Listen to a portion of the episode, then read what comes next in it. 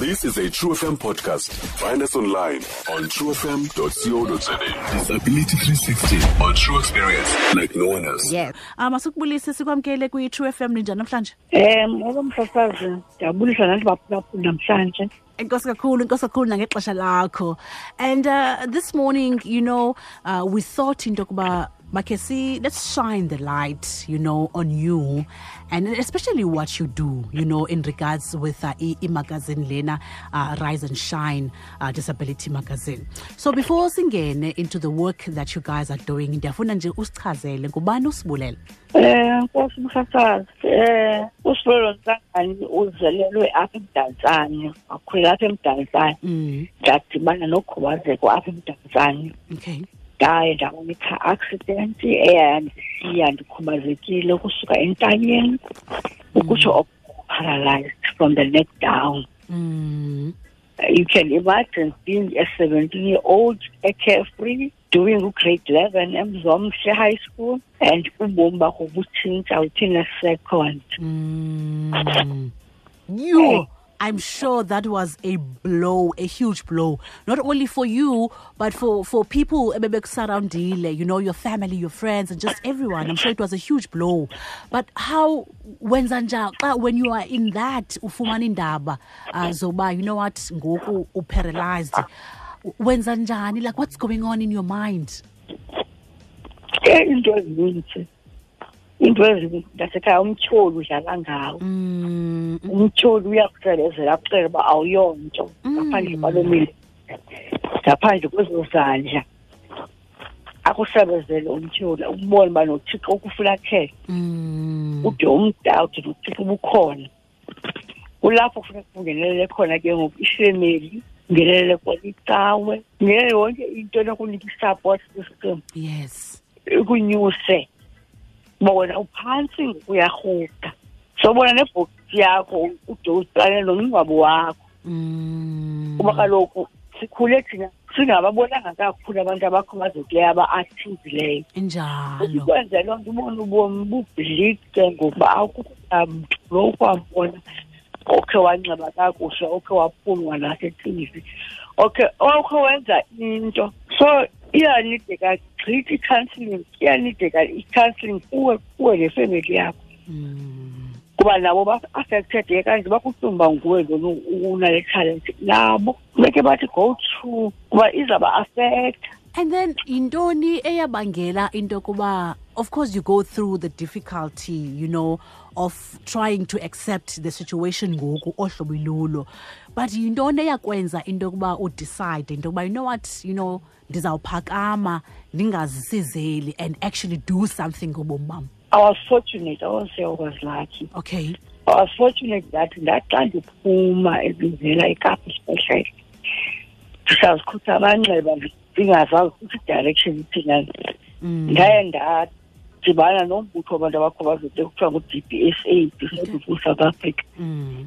baye bandikhupha bandikhupha endlini because eyona nto uyozifihla usifane eqokobheni Mm. uba ufuna ubona kwanesi situlo so ndaye ndaphuma ke ndahamba into ezigqibanisela nabantu abakhubazekileyo ndazimanya nabo. Um ubomi baqhubekeka ke ngoku. Ndaqala ndangumntu ke ngokovocal kwinto yedisability okay okay.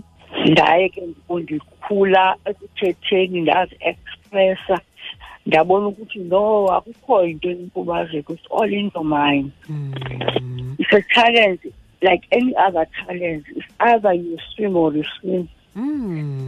So mna ndafunda ukuthi a-a mandikukuswima ndakhula ke ku-d s a ndihamba i-workshop ezicapacitator mna isiku ezicapacitator i-community ndihamba ndihlala lenkubazeko because sayasafumanisa ukuthi eyona nto inkulu ibulala abantu kunga-accepta even i-community kunga-understandwa kwayi-community so ndaye ke emva kakuloo nto ke ngoku ndangena kwinto ze-leadership ndangu-chairperson ke ngoku wento zomama phaa kwathisa iqala kwam ke ukuzibona uba ke ndingakwili-leadership role ndabe phaa koomama ke ndabangum-chairperson wakhona ndasuka apho emva kweminyaka kakuphatha iphondo. Hayi ndaliphatha ke nephondo kuba ke nangoku ndisengumntu kwi-leadership role nangoku asephondweni kwize-disability Okay. Eh, Uh, ndiyafuna u- undichazele ngemagazini lena, you know, um babhenefitha njani abantu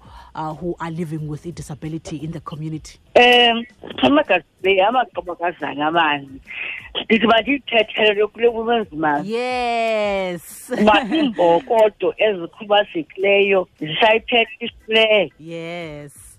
um singabanikazi amane imagazini lena sithi injongo yayo ukuthi siyiqulunqa saye sathi do something that is unique. Unique in what sense? Wena iimagazini zikhona. Kaloku umntu okhubazekileyo uneento azinikwayo siyabhokswa mosingabantu uyakhumbula nawo Mm. umntu omnyama wonke basozube ngumsasazi even wena Njalo. Mm. siyabhokswa kuthiwa into thina sinawuyenza into thina sinawuyenza sacinga xa sasihleli uba yintoni yenza i-unique ezawuthi i-unique iphinde i-educate iphinde i-empowerishe iphinde i-inspirishe sathi eyi imagazine can do all of those things. Mm. kuba emagazini phaa kuyo uzawufumana i-education kuba siye sifundise umntu about i-disability. Singene ngakuba kakhulu sintsokothe phaa kuyo. Uba sithetha nge-albinism sibuze uba yintoni i-albinism yintoni i-albinism ibangelwa yintoni i-albinism ifunyanwa ngubani i-albinism ufunde nawe mlesi kuba kaloku abantu banento yoba asoze ndibe nayo ane-albinism apha ekhaya. Kanti ke ayiyonto isemntwini i-genetical. And most cases ikwacala kwatata ifumaneka kakhulu phaa kum. So siye sifundise siye si-inspirishe u-inspirishe kokuba sithathe umntu okhubazekileyo othe go through all the ranks in life. Wafunda through ii-challenges izitori zethu are so inspiring. Ndifunde abantu athi mna ndandithetha ngetyiriva ngumama. Andisesikolweni ngetyiriva phinde andibuyise. Ezilalini ndihlekwa. Yo. uyabo? Athi omnye ndandikwazi uya esikolweni mama wayindibeleka sizitori esizifundayo eso my mother wayindibeleka for ndathi ndakho fifteen years kokumama bendibeleka ibulithe ndizoyifumana sendimdala okanye ii-calipers zifuneka xa ndimdala so sifuna ukufuna umntu wonke umntu different challenges phakama yenza. Into ebalulekileyo every day to get up and do. Senza loo nto ke sile magazini Mm. Oh, ifundwa ngumntu wonke. Ayonto kuthiwa imagazini abantu ba-disabled because lithi siya-educate si-educata wonke umntu. Even nawe sithi kuwe phansi ungaxola ukufumana i-accident because i-disability happens each and every moment. Ngokugula ube neswekile unxibimileyo nge-accident imoto umsebenzi uwelelile ukhwele ufumane i-disability so siyafundisa ke sisithatha Wow, that is wonderful.